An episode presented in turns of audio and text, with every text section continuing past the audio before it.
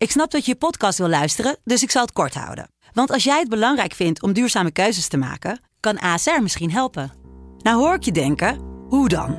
Nou, bijvoorbeeld bij het duurzaam herstellen van schade. Of de premies die we beleggen volgens ons duurzaam beleggingsbeleid. Dat bepaalt waar we wel en juist niet in investeren. Wil je meer weten over welke duurzame keuzes ASR maakt? Ga dan naar asr.nl slash duurzame keuzes. ASR doet het. Zo, dan kan je nu lekker naar je podcast luisteren. Studio Socrates wordt mede mogelijk gemaakt door Unibed. Há muito tempo você está no meu caminho. Como posso esquecer?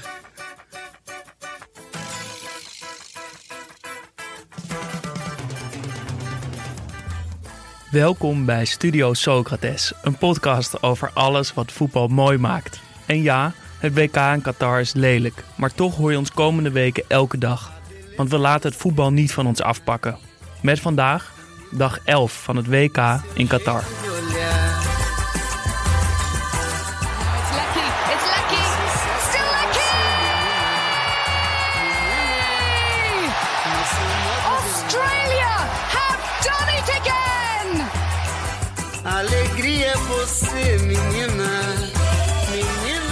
Australië verrast vriend en vijand en gaat door naar de achtste finales. Tunesië wint van Frankrijk, maar gaat niet door. Mexico wint van Saoedi-Arabië, maar komt één goal tekort. En Polen verliest van Argentinië, maar gaat wonder boven wonder wel naar de achtste finales.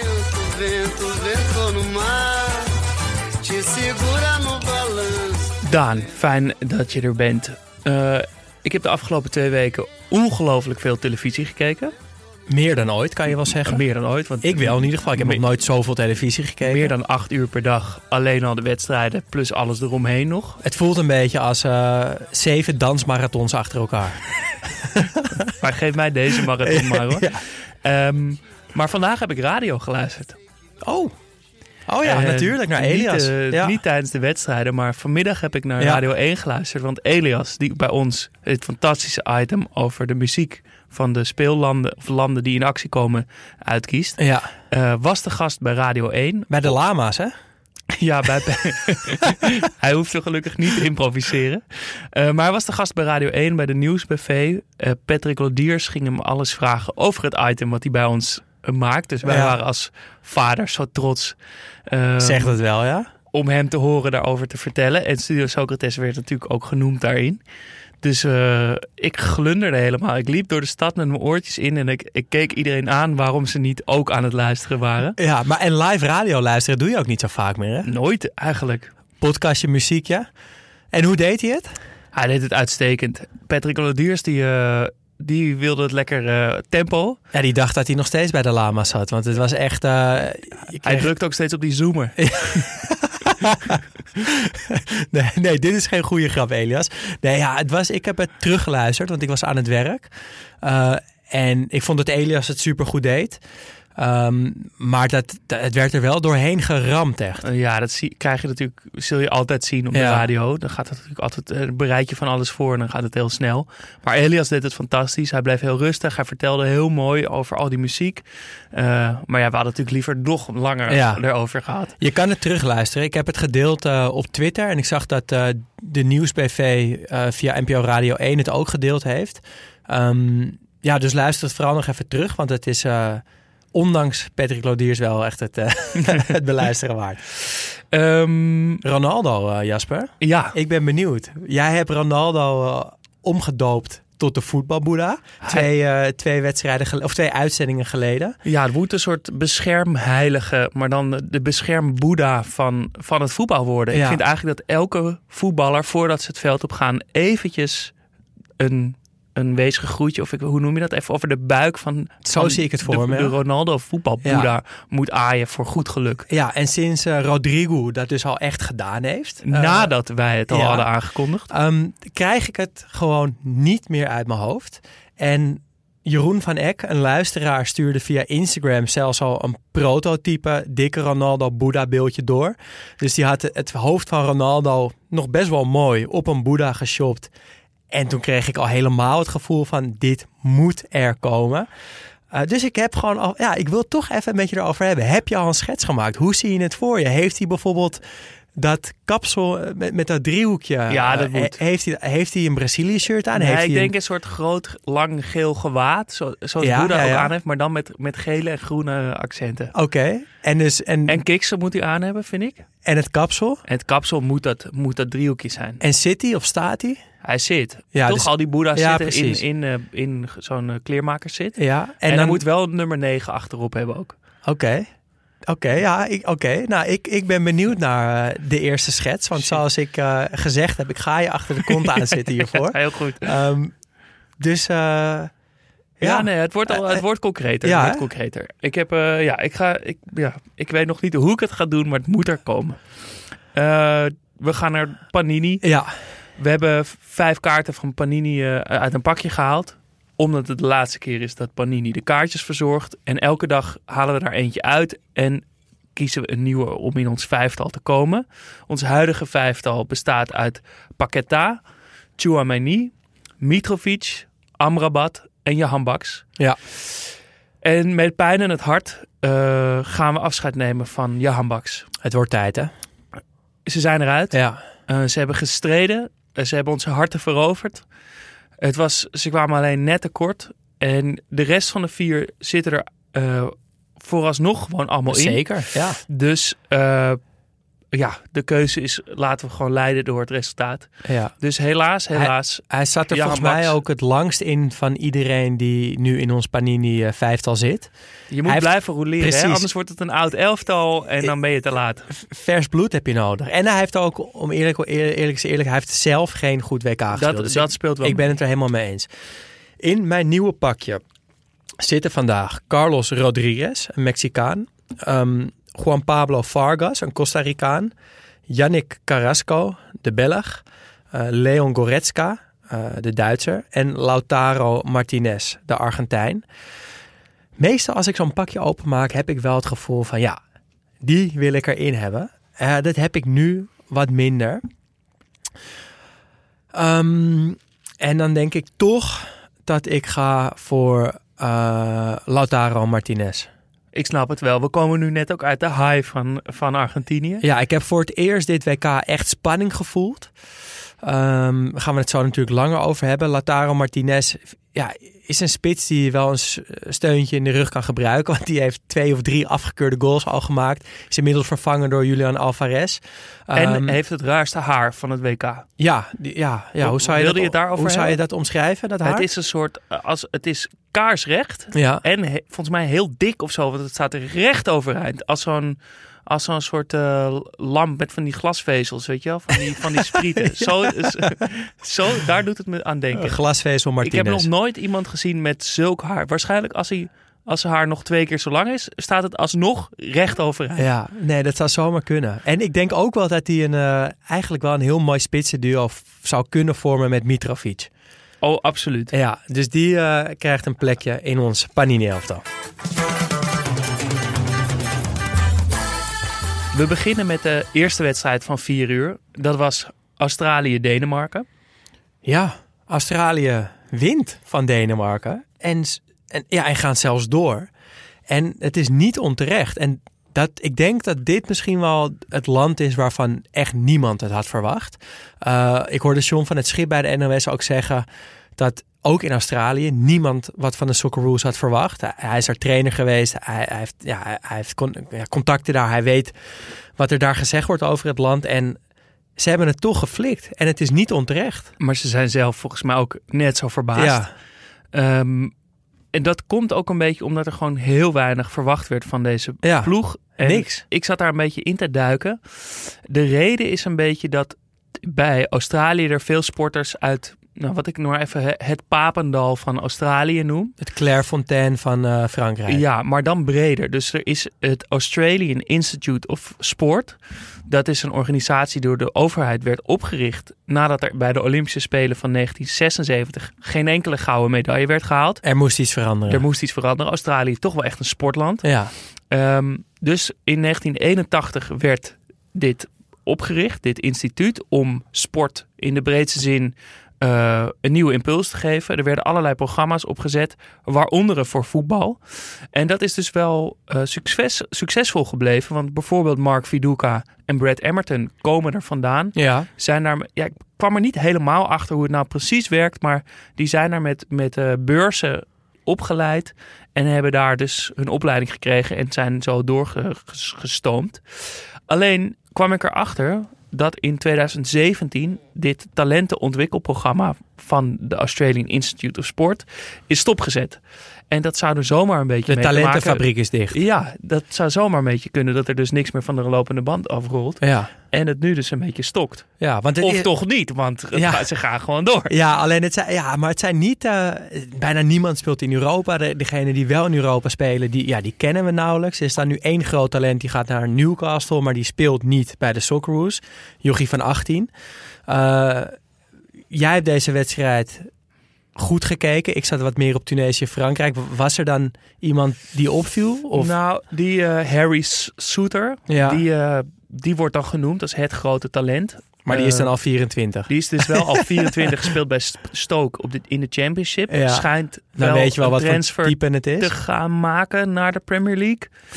Dat weet je niet. Hij is 24 eh, en geboren en opgeleid in Schotland. Maar met Australische moeder, dus na, na, na, na, na. En ik zat zijn bio te lezen. En daar stond een fotootje van hem bij. En het is een beetje een eh, blond ventje met, met hele hoge schouders. Dacht ik op die foto te zien. Ja. Dus ik zat te kijken wie, welke blond Welk ventje op, kleine de, op het mannetje veld is dit? Ja. dat dan was. Maar blijkbaar, die, als je een fotootje ziet van iemand met hoge schouders... ga je er automatisch vanuit dat het een klein mannetje is. ja. Klopt dus niet. Die gozer is 1,98. Dus het was gewoon die reus centraal achterin. Ik had dat in eh, coronatijd altijd. Met, ik kreeg toen een nieuwe baan. En toen had, ja, moest je thuiswerken. Dus ging je video bellen met al je collega's. En dan zie je dus altijd alleen hoofd en schouders. En dan ben je dus zelf een invulling aan het maken van hoe groot of hoe klein iemand is.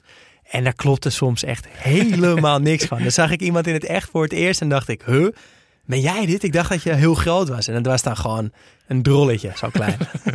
Nou, dat is bij eh Soeter dus andersom. Dus ik heb extra op hem gelet. Maar Niks ja, bijzonders. Denemarken was zo slecht Ja. dat hij dus een paar ballen heeft weg moeten koppen. Maar we hebben hem niet echt getest Nee. eh, zien worden. Ja, en waar Australië dus vriend en vijand verrast heeft, geldt voor Denemarken eigenlijk het tegenovergestelde. Want daar waren voor het eerst sinds jaren eigenlijk eh, helemaal naar het goede EK van vorig jaar de verwachtingen hoog gespannen. Maar die hebben het echt 0,0 waargemaakt. Het was zo'n rare wedstrijd. Want die laatste poolwedstrijden, dat bewijst, bewijzen de wedstrijden die we hebben gezien, zijn natuurlijk of heel saai, omdat er al geplaatst is Ja. of iemand toch al niet door is. Of ze zijn heel spannend omdat het de laatste wedstrijd is en er gewonnen moet worden. En dat was het geval bij Denemarken. Dat was het geval, geval van bij Denemarken. Ze hadden, ze hadden 1-0 kunnen winnen, dan waren ze door geweest. Maar het was zo raar, want Denemarken speelde heel saai, alsof ze al niet door waren Ja, of juist al wel geplaatst waren, terwijl ze moesten winnen. Dus ik begreep het niet. En het leek gewoon of Denemarken het zelf dus ook niet begreep. en dat Ehm, maar dat was met het, want ik heb het einde van, eh, van Denemarken ook gekeken. Maar dat was met het slotoffensief eigenlijk nog wel het best merkbaar, toch? ja, of het, het gebrek daaraan. Ja, ja, want we hebben een beetje een fascinatie ontwikkeld voor slotoffensieven dit WK. Ja, we, we zijn wel verwend vandaag met offensieven. Ja, maar die van Denemarken, dat was echt niks. Maar is dat dan, is dat dan de volksaard van zo'n land? Dat, dat, dat het toch een beetje... Kijk, zo'n Hooiberg kan wel allemaal tattoos nemen en zo. Maar dat, uiteindelijk zijn het toch ideale schoonzonen, de. Nou, ja. Of, of is dat niet zo? En, dan, en Nou- een slotoffensief past daar dan, dan misschien niet zo bij? ja, dat Of vind is ik dat oneerlijk. En ik heb in de voorbeschouwing, heb ik ze voorbeschouwd en eh, heb ik ze wel het braafste jongetje van de klas genoemd. Alleen ook gezegd dat er genoeg pit eh, in zit. Want zo'n Hooiberg heeft toch wel een soort vechterskwaliteit. Die Melen kan toch behoorlijk eh, op zijn strepen staan. Eh Paulsen, die hebben we helemaal niet in actie gezien. Maar dat vind ik ook iemand die oorlog Ja. kan maken. Dus dat vind ik toch een beetje tekort door de bocht. Maar het was collectief helemaal... Het was alsof Nederland... Ik was zo blij met Nederland opeens. Ja, dat, gaat, dat gaat wel heel ver. hoor. Denemarken speelde zoals Nederland gisteren Ja. speelde. Alleen waren ze het niet door. Nee, Nederland werd dat in ieder geval nog groepshoofd en wonnen die wedstrijd. Denemarken had één goal nodig en ze hebben al helemaal niks gedaan. Ja. Nou ja, dan nemen we eh, eigenlijk met een gerust hart afscheid van de Denen, toch? Ja. Ga je ze missen? Nee, niet zoals ze zo speelden. Een paar leuke dingen uit de wedstrijd was dat Schmeichel al in de 91ste minuut de keeper mee naar voren kwam. En dat de commentator zei, ja, die moet er maar namelijk twee keer in koppen. Vandaar dat hij nu al meegaat. Eh, er was een raar moment met Cornelius en Skof die erin gewisseld werden. En allebei een briefje meekregen Van de trainer. van de trainer. En een handgeschreven briefje. Ja, ik weet, begrijp niet dat ze dat allebei hadden. Misschien, ja, misschien was dat al iets voor eh, het slotoffensief. Het, Toch? Dat, dat zal Ja. erop hebben gestaan. Of zoiets van, eh, kom, op, Ja. hup. en eh laatste waar ik van genoten heb is het logo van de Australische Bond. ja. Want alleen als ze het ondersteboven hadden gezet, had het nog een Australischer logo kunnen zijn. Eh, eh, hoe, hoe ziet het eruit? een kangoeroe en een struisvogel. nou, ik, mi- ik mis misschien een koala nog. nou, dat, ja, oké. Ehm, maar ja, nee, het was, het was na gisteren was het eh, niet een wedstrijd waar ik op zat te, eh, zat te wachten. Nee. Maar was ik wel met terugwerkende kracht erg blij met Nederland. Heb je er toch iets positiefs eh, uit kunnen halen? Jij hebt Tunesië-Frankrijk gekeken, die Ja. tegelijkertijd gespeeld werd. Heel veel wisselingen bij Frankrijk. Ja, eigenlijk bijna het hele basiselftal dat gewisseld werd. Joris keepte niet, maar Mandanda. Mbappé speelde niet, Griezmann speelde niet, Dembele speelde niet, Giroud niet, Rabiot niet, Hernandez niet. En ga, ja, ga zo maar door. Ehm, ja, die selectie van Frankrijk is zo breed dat er dan toch ook wel weer hele leuke namen inkomen. Zoals eh Kamavinga, Fofana en die spits Colomouani, die er op het laatst bij is gehaald omdat Nkunku eh geblesseerd raakte. Die Colomouani was wel goed, was een leuke spits, was een ontdekking. Die kende ik ook nog niet, speelt bij Eintracht Frankfurt. Eh, ja, en ik had heel veel zin om Kamavinga te zien spelen, maar die werd gewoon weggemoffeld op linksback. En dat was wel echt pijnlijk om te zien, want dan wordt het op, opeens van een best wel elegante, eh, krachtige box-to-box middenvelder, wordt het gewoon een heel druistig, onhandig linksbackie. En ja, ik wil niet zeggen dat hij al zo'n status heeft dat hij moet zeggen, dat ga ik niet doen. Eh, die andere Hernandez is ook geblesseerd geraakt, dus ja, dit- ze komen er eentje tekort daar. Maar het was, eh, ja, het deed wel pijn aan de ogen om, om hem daar te zien spelen. Het laat je ook afvragen wat, of er niet andere spelers zijn die gewoon op de verkeerde positie staan. Die wij nu een beetje druistige ventjes vinden, maar misschien op linksback of juist op 6 of op 10. Ja, want het werd, helemaal opbloeien. ik vond het echt opvallend, want het werd gewoon echt een andere voetballer. Vind ik altijd knap als trainers ook eh, een speler zien spelen en zeggen: nee, jij moet op het middenveld gaan staan. En dat ze dan opeens Ja. alles raken. Nou, eh, ik heb eh, bij AFC in de jeugd heel lang gevoetbald met Mitchell Tevreden. Eh, die spits die bij Herenveen en bij Feyenoord nog het eerste haalde. En geloof ik nu ergens in... En NAC ook nog? eh, Sa- ja, NAC ook. En nu volgens mij ergens in Saudi-Arabië of ergens in die contrij eh, zijn zakken aan het vullen is. Heel Nou, lekker voor hem. Mijn eh, achting van de Saoedische competitie is ja, gestegen. Jawel. Eh, maar hij speelde tot en met de B1 speelde hij rechtsback. En toen is hij door een beetje een gekke trainer, we zaten samen in het team, werd hij in de spits gezet. En binnen een jaar speelde hij in de spits eh, in de jeugd bij AZ. En heeft hij dus gewoon een goede profcarrière eraan overgehouden. Dus er zijn sommige spelers die inderdaad misschien wel hun hele leven op, op de verkeerde plek staan. En toch grootse voetballers hadden kunnen worden. Is bij jou niet het geval, hè? Nee, zeker. Jij bent een geboren tien. Ja, een middenvelder in ieder geval. Ja. Eh, dan Tunesië, want ze wonnen gewoon van Frankrijk. Of het nou een B-elftal was of niet. Ze wonnen. Ja. En dat is gewoon... En het was ook te gek. Ja, en het was ook niet onterecht. En het was leuk dat Kasri de winnende maakte. Ja, Wahbi Kasri. Sowieso echt een goede naam. Ja, Vond ik toch ook wel een toernooispeler. ja. Want had jij geweten waar die voetbalde? Ik zou zeggen in Frankrijk. Ja, dat klopt. Ja, maar, toch? Dat ja, ja. Montpellier. Ja, Eh, maar ken je wel altijd als Tunesië speelt, Ja, zie je die 100%. kale kop voor je. Ehm, en ik dacht ook wel, het is ook een speler die, die misschien ook wel wat kudos aangaf in dat interview. Je, je kent hem gewoon niet. Terwijl Ja. hij waarschijnlijk wel, als hij de kans had gekregen, ergens gewoon op een hele degelijk niveau had gespeeld. Eh, wat is ook altijd erg geliefd, overal waar hij speelde. Ajaxio, Bastia, Bordeaux, Sunderland, Rennes, Saint-Etienne en dus nu Montpellier. Heeft dus wel de kans gehad bij Southampton. Ehm, maar kreeg eigenlijk nauwelijks de kans van, van David Moyes. Nee. Nauwelijks speeltijd. En kon het dus niet echt laten zien. Vraag je dus wel af met een andere coach. Ja, wat had er van hem terecht eh, was hij komen? waarschijnlijk gewoon een hele degelijke subtop Premier League speler geworden. Want het is zo'n speler die het gewoon zijn dingen helemaal op orde heeft, toch? Zijn acties. Ja, Ze gewoon, het wordt, zal nooit wereldtop worden, maar je kan altijd van, op, Ja. van hem op aan. ja. Nou, ik vond het ook jammer dat hij nu pas eh, voor het eerst in de basis speelde. Ik weet eigenlijk niet zeker of hij niet helemaal fit was. Daar lijkt het wel op, want de eerste wedstrijd speelde hij helemaal niet. Tweede wedstrijd, klein half uurtje en dan nu een uur. Eh, Tunesië heeft hem dus wel gemist, want vandaag in de spits deed hij het, eh, deed hij het echt lekker. Ja, en Frankrijk... Er veranderde natuurlijk wat toen Mbappé nog in de ploeg kwam. Een beetje hetzelfde als tegen Australië met Mbappé. Dat, dus hij is gewoon te goed voor eh, De rest. ja, nou ja, in ieder geval voor de gemiddelde rechtsback op dit WK. Ehm, maar het was ook duidelijk dat Frankrijk gewoon geen prioriteit had en dat ze het wel best vinden. Ze zijn gewoon eerst in de pool geworden, Ehm, gaan door en gaan straks weer gewoon met hun beste elf spelen. En dan is het eh, nog steeds een van de grote kanshebbers voor, de- voor de wereldtitel. Nou, dat waren de, deze twee potjes eh, hebben we gehad. De nu kunnen we door naar de echte wedstrijden. naar de finale, naar het, eh, naar het hoofdgerecht van vandaag. Namelijk Polen-Argentinië. En dus eigenlijk ook Ja, Saoedi-Arabië en. Mexico. Want ja, Die wedstrijden hadden heel veel met elkaar te maken. Waren Maar- verstrengeld in elkaar. laten we een beetje beginnen bij Polen-Argentinië. Ja, ik, ik vond het toch jammer dat Lisandro Martinez weer op de bank moest zitten. Want ik vond hem heel goed invallen de vorige wedstrijd. Fico ook op de bank. Lautaro Martinez ook op de bank. Eh, maar ook op de bank, en dat is dan iets positiefs. Ja. Walter Samuel, Pablo Aymar eh, en Ayala hebben we het vaak over gehad. Maar we hebben het nog niet tijdens het WK genoeg gezegd. Want je ziet ze gewoon zitten op Ja. een gegeven moment. Je wil toch even met je ogen knipperen. Gaat Walter Samuel er nou in komen? Ja, en het is ook zo mooi, want het, Samuel en Aymar zijn zulke tegenpolen van elkaar. En die zitten daar nu als ja, in dezelfde functie naast elkaar op die bank. En ja, ik geloof toch wel gewoon in die, in die kracht van, van dat soort assistenttrainers.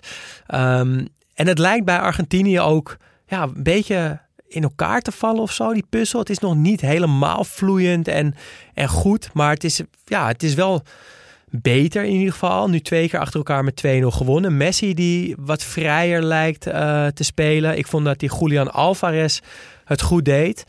Ehm, maar Messi ook wel weer een pingel gemist. En dat is, ja, ik, ik weet, ik weet, ik ben de telling een beetje kwijt. Maar hij heeft er al zoveel gemist. Ja. En het, ja, het begint me eigenlijk echt te irriteren. Want je hebt, eh, je hebt specialistentrainers nu overal, bij club en bij land. Er worden uren wordt er getraind op vrijtrappen, op eh, corners, op varianten, op weet ik veel wat. Maar waarom wordt er niet echt getraind op een penalty? Waarom is het zo dat de beste speler van een elftal, dus de Messi's en de Ronaldo's van een elftal, of de Mbappé's van een elftal, de Lewandowski's van het elftal. ja, maar dat is een Die- specialist. Die heeft er nu één gemist, maar dat is echt een specialist. dus die sorry, past, sorry. Ja, dat past echt niet in het rijtje. Maar waarom nemen de beste spelers van een team altijd de penalty? Want je kan dus een specialist worden door te trainen op penalties. En niet te trainen, eh, weet je wel, een vaste trap of hard in de hoek. Nee, gewoon kijken naar de keeper, dat oefenen en die bal wegleggen in de andere hoek. Dat is trainbaar. En dat, dan hoef je niet de beste te zijn. Dat kan ook bijvoorbeeld bij eh, Argentinië, kan dat, eh, weet ik veel, die Acuna zijn, die linksback. Als hij daar elke training op gaat trainen, dan, dan beheerst hij dat binnen een maand. En dan kan Acuna hij, twijfel ik kan hij een specialist worden. Nee, maar het irriteert Ja. me echt. Waarom neemt Messi nog steeds die penalties? Want hij mist er zoveel. Ja, en dat is, hetzelfde kan je natuurlijk zeggen over Cristiano Ronaldo met, met penalties, maar vooral met vrije trap of Ja. zo. Die, die, dat die hiërarchie, dat er gewoon gekeken wordt naar wie het het beste kan. Nou, het is een gratis goal, dus het is voor je ego en voor, ja, voor de hiërarchie in zo'n team Voor is je dat, stats. ja, is dat heel belangrijk. Alleen ik vind dat daarmee eh, ja, toch de, de soort van techniek en de trainbaarheid van een, van een penalty echt onderschat wordt. Want ja, Messi mist er nu één. Eh, terwijl als je een specialist achter de bal zet, is de kans gewoon veel groter dat er iemand dat, dat hij gescoord wordt. Duidelijk, ik ben het helemaal met je eens. Gelukkig. Eh, was het wel een penalty? Ja, ik vind dat lastig. Want als je, ik hoorde Leone Stendler zeggen bij de NOS en daar was ik het op zich wel mee eens. Als je dus die hand van die keeper, als, je, ja, als, dat, een, als dat een been van een speler is die, die te laat weet je, inkomt, dan is het waarschijnlijk wel gewoon een penalty. En nu, omdat we dit niet zo goed kennen, vinden we het heel snel geen penalty. Maar ja, hij is gewoon te laat. En misschien is het er dus wel gewoon een. Ik vond, eh, of het er nou wel een was of niet. Ik vond dat uh, Makkeli eh, sowieso wel goed floot. Maar vooral ook dit VAR-moment uitstekend deed. Waarom? Nou, omdat ik me vaak een beetje irriteer. Ik geniet er ook wel een beetje van. Maar je krijgt het moment, die scheids moet helemaal naar dat scherm lopen. Ja. Die gaat daar even kijken. Vaak zijn ze kijken, denken ze een beslissing te zien maken. En dan draaien ze al halfweg. En dan komen ze toch, gaan ze toch nog even kijken. kijken. dat vind ik altijd. Dan denk ik, nou, je hebt dus echt geen idee. of, die, of, de, of die VAR zegt nog iets of zo. En dan, dat moment, daar, daar zit ik dan vaak een beetje mee. Want dan weet, heeft de scheidsrechter op een gegeven moment dus een beslissing genomen. Ja. Misschien met een kleine twijfel. Misschien kijkt hij één seconde, weet hij het. En dan krijg je dat loopje terug. En dan is het dus de vraag wanneer de scheids het gebaar gaat Ja. doen van het VAR-gebaar en, de, en gaat wijzen. Of loop je in het niet. veld in, loop je naar de plek toe waar het gebeurd ja, is. en dat is dus een moment dat er maar één persoon op aarde weet wat er gaat gebeuren. ja. Eh, en sommige scheidsrechters die zwelgen daar toch wel een beetje in. Die vinden dat een lekker moment. Ik weet het al. En ik ga jullie nu eens even allemaal vertellen. Bas Nijhuis, die, zal, die pakt dat moment even. ja. Die gaat even... Die kijkt iedereen nog een keer in de ogen. En die Ja. zegt, weet je wat? We doen een penalty. Makkeli deed het vandaag uitstekend. Zodra hij zich omdraaide van, de, van het beeldscherm... deed hij het VAR-gebaar en wees hij naar de stip. Nog voordat hij de lijn over was. Dus hulde voor, voor Makkeli om niet te zwelgen in het moment. Ja. ja, kleine correctie. Eh, hulde voor team, Makkeli, hè? Eén team, één taak. Ja, precies. Ehm, ja, Messi mist die penalty dus, maar eh, Argentinië komt toch op voorsprong. 1-0 van McAllister. Nou, totaal verdiend. Polen heeft helemaal niks eh, in de melk te brokkelen. Eh, en waar Chesney die penalty echt fantastisch pakt. eh, want hij pakte hem wel goed. Echt. Ehm, gaat hij hier als een... Ja, Ja, zijn zak aardappelen naar beneden. ja want hij, hij, hij, hij valt op zijn knieën en dan valt hij nog iets verder naar de hoek. Maar volgens mij, en we hebben het hier wel eens eerder over gehad, dat zo'n langzame rollerbal Ja. toch iets vertekent. Of een soort vertraagde reactie in je hoofd. Ik denk Bij een keeper je, bedoel bij een goede keeper, die, die trainen die reflexen gewoon. Die gaan, Ja. zodra ze die bal een half s- milliseconde op zich af zien komen, reageert dat lichaam al voordat ze nadenken. Maar als hij dan dus langzaam gaat, ga je misschien dus wel nadenken. Net als dat je voor open goal komt als een veldspeler. Dat je Ja, en dat je gaat gaat denken van, oh, Ik ga hem zo ik ga erin hem schieten. schieten. En ja. dat hij dan toch misschien ook een seconde Ja. Even een soort rare vertraging krijgt daardoor. ja, en daardoor, daardoor inderdaad... ga- En, ga- en gaat die beweging minder Precies. soepel? Ja, hij gaat nadenken en dan gebeurt er gewoon iets raars. Ja, want het zag er heel vreemd uit. En die 2-0, ja, daar kon, daar kon hij niks aan doen. Eh, daar zat de kracht van de goal vooral in dat ene tikje naar rechts, toch? Ja, hij, hij, hij, Van Alvarez. moest hem, ja hij, hij moest hem controleren, maar hij controle, want het was niet zijn eerste aanname, maar wel dus de, het moment dat hij hem echt kon, eh, kon controleren. Dat deed hij met links, maar die, dat deed hij dus wel op zo'n manier dat hij meteen een beetje naar rechts tikte voor zijn rechtervoet. Waardoor hij hem eh, wel kon doorhalen in één Ja. keer. Dus hij maakte ze, ze niet zulke goede aanname in één keer goed met, de, met die controle. Waar hij dus ook eigenlijk twee dingen Ja. in één deed. Ja, het creëerde ruimte voor, voor eh, het, het hoek werd, de, de hoek werd de opener daardoor. Dat was echt goed gedaan. En toen gebeurde het. Ja, dan gebeurt er wat raars. Want in, in- op het andere veld intussen staat eh, Mexico met 2-0 voor tegen Saudi-Arabië. Ehm, Argentinië staat met 2-0 voor tegen Polen. Polen en Mexico staan dus in alles gelijk. Behalve in gele kaarten. Ja, dus, dus doelsaldo, doelpunt voor. Dat is dan dus je eerst punten, Ja. dan doelsaldo, dan doelpunt voor.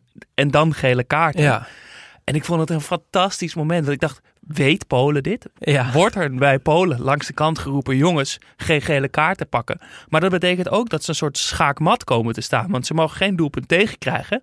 Maar ze mogen ook niet de bus echt parkeren. Want dan Ze kunnen niet meer aan de ze handrem kunnen trekken. niet meer aan de handrem trekken. Dus ze kwamen in een soort heel raar dubio. Los van wat gaan we doen? Gaan we gokken op Mexico? Of gaan we hier verdedigen? Of gaan we scoren? Moesten ook opeens gaan nadenken. Hoe gaan we dan verdedigen? Want Ja. we kunnen eigenlijk niet echt verdedigen. Ja, en, maar, en het resultaat was, vond ik tenminste, dat Polen heeft gewoon... Ja, het was gewoon echt net alsof ze eh, in het gokkenhuis op de hoek stonden. Ze hebben gewoon volle bak gegokt op Mexico. gewoon volle bak al hun geld gezet op... Oké, hier, het zal allemaal wel, maar, maar, Mexico gaat niet meer scoren. Want Ze hebben niet eens op de counter Nee. gegokt. Op, op Lewandowski die hem nog, nog iets kan doen. En, maar, en ook nog aardig wat kansen weggegeven. Eh, Het, het leek bijna gewoon van, dat ze het wel lekker vonden dat ze hun lot bewust in de handen van Mexico eh, konden leggen. En zoiets hadden van ja, eh, ja, zoeken jullie het maar uit en we zien wel wat er gebeurt. Maar misschien was het ook wel gewoon... Was het wel een bere- berekende gok? Dachten ze wel van, nou, wij gaan sowieso niet meer scoren. Van Ja. Mexico hebben we niet meer in de hand. Dit is onze beste kans. Hier, hier zien wij het grootste percentage Ja, voor ons om door te gaan. En het irritante is, is dat ze dan ook nog gelijk krijgen. ja, ja want Mexico eh, staat inmiddels dus ook met 2-0 voor, zoals net gezegd. Eh 1-0 Krijgt ook- uit een corner, 2-0. Die goal van eh, die vrije trap van Chavez. Zullen we daar meteen even over hebben? Ja, toch? Heel eventjes. Want dat, ja, dat, dat moet toch wel... Daar moeten we het over hebben. Want die vrije trap was ongelooflijk. Wat een geweldig vrije trap. Hij, ja, mooier vind ik dat hij bijna niet kan. En dat komt natuurlijk door hoe die bal in het net vliegt. Maar voor mij vooral komt dat door zijn aanloop. Die heel rustig, heel beheerst. Eh, maar dan toch uit die trap komt zoveel curve en snelheid... dat, je, ja, dat het bijna elkaar tegenspreekt. Zo beheerst, zo aan, aankomen lopen en trappen... en zoveel snelheid aan een bal weggeven. Ehm, En ook hoe die dan, dat lichaam daar eigenlijk al ingedraaid is voordat hij die bal raakt. Dus die, ja, ha- dat En- lichaam hangt al een beetje eroverheen. Precies. En zijn been slaat door over zijn heup heen. Het deed mij heel erg denken aan een golfafslag. Want dat Ja. moet ook zo beheerst gaan, terwijl die bal moet hard en ver. Maar dat, dat lukt alleen als je heel beheerst bent. En ontspannen ook Ja. volgens mij. En dat, dat deed hij echt supergoed. En die Eh, bal die, die duikt op ja. een gegeven moment, die gaat gewoon rechtdoor. En dan opeens zie je die bal nadenken, oh nee, ik moet eigenlijk hier Ja. rechts in het zijnet. En dat, dat gebeurt ook echt schitterend. En daarna krijgt Mexico nog twee vrije trappen op, op, op goede plekken. Eh, of drie zelfs. De eerste neemt Chavez ook weer. Andere kruising, pakt die keeper geweldig. Wat fantastisch toch, dat hij hem eigenlijk bijna de identieke Ja. plek. En dan kiest hij en voor de andere kiest hoek. hij voor de andere hoek. Ja. En is hij ook nog eens ook heel goed. Ja. En daarna krijgt hij eigenlijk de, de beste vrije trapkans. Rand 16. Eh Chucky Lozano gaat er ook bij staan. En ja, dan gebeurt wat waar ik nog steeds echt zwaar geïrriteerd door ben. Dat is namelijk dat Lozano ja, een tikje opzij doet. En dat Chavez dus nog een, echt een, ja, een andere aanloop moet nemen. En een rollende bal opeens moet schieten. Terwijl aan alles zie je bij die eerste vrije trappen dat hij juist op zijn best is met een trap als die bal stil ligt. En nu wordt een soort van ja, chaos gecreëerd. Want de, ja, de muurtje mag uitlopen. Hij moet in beweging komen. En hij schiet hem dus ook in de muur. En de laatste vrije trap gaan ze weer allebei bijstaan. En dan neemt Lozano hem. Ja, dat, dat vind ik echt jammer. Want ik had het gevoel dat, dat hij nog een goal in die linkerpoot had het hing zitten. in de lucht. Ja, Maar ik, ik dacht ook, hij viel me al op bij die eerste wedstrijden. Dat is nu natuurlijk makkelijk zeggen. ik geloof je. Maar ik had al, eh, ik was al een beetje onderzoek naar aan hem doen. Ik was al even gaan googlen. Dus ik dacht nou misschien leuk om daar vandaag over te hebben. Maar er is dus ook helemaal niks over die gozer te vinden. Want hij, hij speelt bij Pachuca, is al 26. Ja, het schijnt wel dat er Nederlandse coaches al, of eh, scouts al zijn geweest om hem te bekijken. En dat er waarschijnlijk ook wel wat interesse vanuit Nederland was. Ik zou Maar het wel wat vinden mij- dat de AZ opeens hem dan binnenhaalt. Maar volgens mij is hij met, met die vrije trap van nu ging die niet alleen kaart in het zijnet, maar vloog die vrije trap ook gewoon naar Europa toe. Ja. Want dit, dit is zijn ticket, toch? Dit, Dit is, is de goal ja. waar we het gisteren over Ja. hadden met Bentancur. Dit is de goal waarmee je carrière opeens een afslag neemt. Ja, nee, dat, dat, eh, dat geloof ik zomaar. Ja. Dat, dat iedereen die hem nog niet kende, hem nu wel kent. En iedereen die hem wel kende, maar nog een beetje twijfelde, dat die eh, over de streep getrokken zijn. Ehm, En terecht, want die goal was echt zo goed. ja, ja, en verder Mexico nog wel meer kansen. Eh, uiteindelijk valt die niet. En sterker nog, maakt Saoedi-Arabië nog een goal. Waardoor eigenlijk het feest bij Polen losbarst. Maar dat is te vroeg. Ja, want Mexico, het veranderde eigenlijk Nee. niks. Mexico had alsnog aan één goal genoeg. Ja. Gek, op een gek, raar Ja. genoeg scenario. Maar dat leek Polen niet helemaal te beseffen. Ehm, ja, en dan blijft het zo. En dan betekent het dus dat in een pool met Argentinië, Mexico, Polen en Saudi-Arabië... dat Polen door is. En dat doet mijn voetbalhart bloed. Want Argentinië leuk. Weet je, ik vind die, dat, dat plan van Messi, daar sta ik wel achter. Dus laat dat maar in ieder geval wat dichter bij het einddoel komen. Uh, Mexico, ja, dat, dat hoort gewoon. Die gaan nou, al, was een die- beetje een stroeve start. Ja, maar die horen door te gaan. Die gaan, die gaan elk, elk eindtoernooi gaan zij door. En vliegen ze in de achtste finale eruit. Ze hadden nu ook weer zo'n team. Dat Maar- had, en ze hadden het meer verdiend dan Polen. Zeker, want ze gingen ervoor. Ja, en dan heb je nog Saudi-Arabië, die ons natuurlijk die wedstrijd tegen Argentinië gegund heeft. Die eigenlijk Polen compleet van de mat gespeeld hebben, in ieder geval de eerste helft. Eh, die tegen Mexico dan een wat mindere dag hebben, maar dan ook naast het net vissen. En dan gaat Polen, dus ja, toch wel misschien wel het allersaaiste, slechtste en negatiefste team van het WK, van, de pool in ieder geval, gaat door.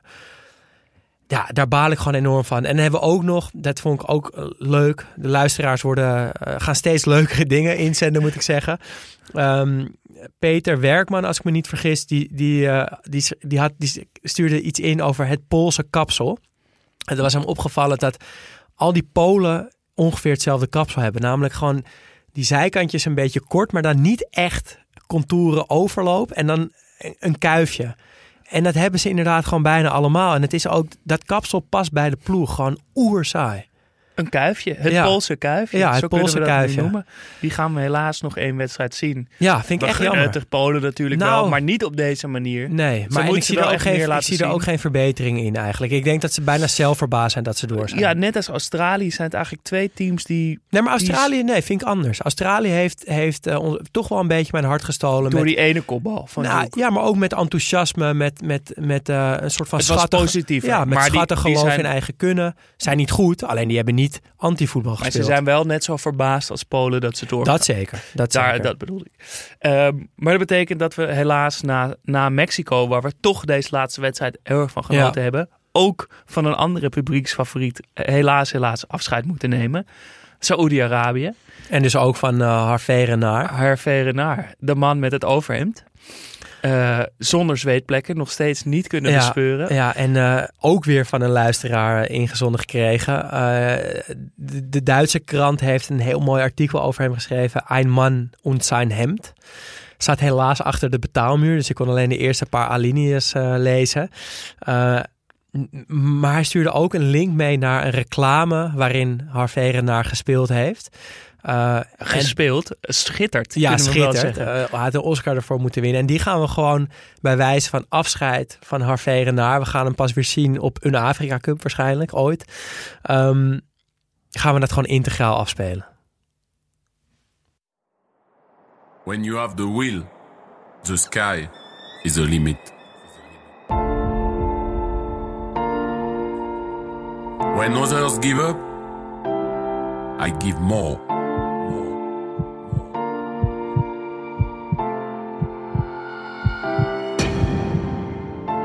I've been assigned this mountain to show others it can be moved. I found the way. I built the way and I led the way. Run, jump, fight like never before. I run, I jump, fight like there is no tomorrow. And tomorrow I will get up and do it all over again. I'm the winner and my will is to win. And this is my push to reach the sky. Wildcat, untamed energy. Hervé Rona. Fantastisch. Het is een soort Jean-Claude Van Damme-achtige reclame. Ja, kijk hij- vooral de beelden er al even op na. Het is zo'n soort Rocky-compilatie. ja. eh, waarin Je ziet hem rennen, zichzelf, je ziet hem eh, in de gym, je ziet hem... eh, ja, nou, terwijl onder, onder dat witte overhemd, en nou begrijp ik wel steeds meer waarom hij dat aan heeft, ziet het er behoorlijk indrukwekkend uit, die borstkas. Zeker. In de reclame komt het niet echt goed naar voren, die, die spierband. Nee, maar eigenlijk een beetje zoals het naar voren komt in het overhemd. Van je weet dat er wat zit, wat, wat mooi is, waarschijnlijk. Maar hij toont het net niet helemaal. hij is een beetje aan het teasen. Eh, en als Hij iemand, is zo gewoon gebleven, Ja, als- onze herven. als iemand weet waar je die eh, energiedranken kan krijgen, laat het me ook weten. Want ik ben nu wel benieuwd. Dan natuurlijk de tussenstand van de actie Want het gaat goed, Daan. En we zijn er echt blij mee. We hebben, nou, nog één keertje kort, een actie bij Amnesty. Voor elke euro die er gescoord wordt op dit toernooi, voor elk tientje, of voor elk tegendoelpunt van Qatar doneren we een tientje eh, aan Amnesty. We hebben onze eigen actiepagina opgezet. Daar kan je nu dus ook doneren. En Ja, het wordt l- dus ook al gedaan. Ja, en die link vind je op onze Twitter en Instagram. En tot, eh, ja, tot de vorige aflevering was er 560 euro gedoneerd. De teller staat nu op 750. Ja, dat is toch echt te gek. Ja, dus dat, daar zijn we echt heel blij mee. Ga dus direct naar Amnesty. Blijf dat vooral doen. Eh, blijf het retweeten, delen, naar je vrienden sturen. Doe, Blijf ook andere voetbalpodcasts Ja. hiermee lastigvallen, want we hebben nog niks van ze gehoord. nee, Onze teller trouwens van het eh, dus doelpunten en tegendoelpunten van de Qa- Qatar, die teller staat, stond tot gisteren op 160 en sinds vandaag zijn er zeven bijgekomen, dus 167 euro. Dan morgen om 4 uur Kroatië-België. ja, ja, zal het de afscheidswedstrijd van de Belgen worden en daarmee dus van de gouden generatie? Wat denk jij? Ik denk van wel. Ja, ik denk ook van wel. Of, of misschien, ja, misschien dat, dat hij toch nog een keer echt omgooit. Da- daar hoop ik stiekem heel erg om. Dat, hij, dat Martinez voelt, oké, er is nog één kans om het anders te doen. Dat is tegen Kroatië en dat ga ik doen. En dan kan het sterven in een soort van schoonheid nog. En is het een, is het een soort open deur naar de volgende generatie Precies. toe. Precies. Maar dan bewijst hij daarmee wel zijn eigen ongelijk. Ja, De andere wedstrijd om 4 uur is Canada-Marokko. ja. Eh, Marokko moet het niet verpesten. Ik hoop zo dat ze doorgaan, maar die kans is wel heel groot. Eh, en er is weer een nieuwe uitzending van Mokro Inside. Dus eh, mocht je om vier uur niks te doen hebben, ga er vooral heen. Kantine van DCG. En anders kan je het op, eh, op YouTube volgen. En dan om 8 uur hebben we Japan-Spanje en Costa Rica-Duitsland. Ja, eh, ja, zal toch wel Spanje en Duitsland worden. En dat vind ik op zich wel leuk, want die spelen allebei goed voetbal. Leukste wedstrijd, of tenminste de beste wedstrijd van dit toernooi. Als je het hebt over mooi, goed voetbal, was ook misschien wel Spanje-Duitsland. En ik vind het heel vet dat Rodri, eh, eigenlijk ook de eerste en de tweede wedstrijd, waarschijnlijk morgen weer centraal achterin staat. Middenvelder van City, is daar neergezet, eh, ja, omdat ze daar zwak zijn. eh, en omdat hij vandaar de opbouw kan verzorgen. Doet hij heel goed. En ik heb ook nog wel een vraag aan jou. Want, want jij zei in de voorbeschouwing van ja, dat Spanje beetje moeilijk in te schatten of het nou een titelfavoriet is of niet. Want eigenlijk horen ze er altijd wel bij, maar je hoort en leest er zo weinig over. Ja, je- ze, ze, ze, ze, ze hebben altijd het elftal. Maar het ene, ene toernooi Ja. horen ze wel tot de favorieten en het andere toernooi niet. En daar is niet echt een vinger op te leggen volgens mij. En als je nu die eerste twee potjes gezien hebt? Denk ik wel dat je ze kan, eh, kan meenemen in je favoriete poeltje. Ja, ja en Peder en Gavi, hè? Toch om je vingers bij af te likken. Straks natuurlijk nog Elias Mazian, onze grote man, vandaag bij Radio 1 te horen. Eh, straks nog na de afsluiting eh, met muziek en een column uit Tunesië. Ja, eh, maar op de valreep ook nog heel leuk nieuws. Ja. Want een luisteraar van ons, de capybara van de Konradkade, Konradkade, zo heet hij echt. ja. Dat is het normale echte naam. Ehm, die heeft ehm, per post het inloopshirt van België naar ons opgestuurd. Dus ja, die, en dit is dan dus ook het shirt dat verboden is door Qatar. En Ja. dus des te meer reden om het te dragen. Ja, en daar zat een heel lief kaartje bij. Handgeschreven. Jullie weten vast wel raad met dit shirt. Eh, ge- geef het vooral weg aan eh, een van jullie luisteraars. Dus dat gaan we doen. We gaan eh, weer een mooie winactie op poten zetten. Die komt, nou, als je dit luistert, staat die waarschijnlijk al online op de socials. Als die er nog niet staat, staat hij er over een paar uur. Ehm, dus die kan je winnen. Eh, hou onze socials in de gaten, Instagram en Twitter. En dan maak je kans op een eh, shirt wat over een aantal jaar zomaar heel veel geld waard kan zijn. Want eh, hij is nooit gedragen. Dat is altijd een goed teken.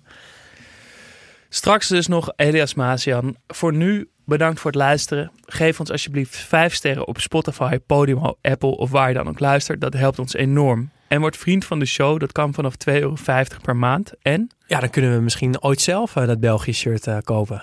Wil je meepraten? Dat kan via Twitter of Instagram studio-socrates. Mailen kan trouwens ook. Ons e-mailadres is studiosocratespodcast.gmail.com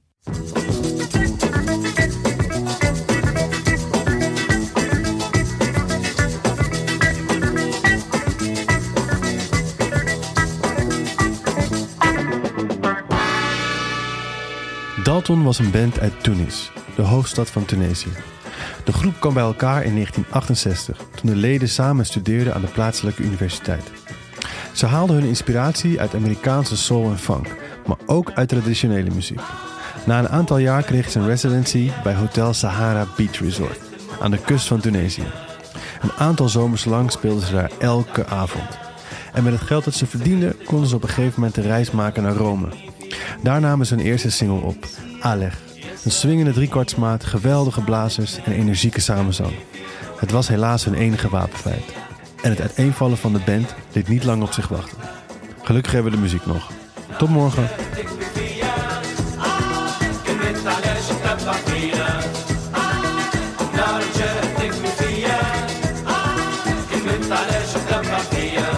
بسمة بكيني بسمة نسيني فني ليلي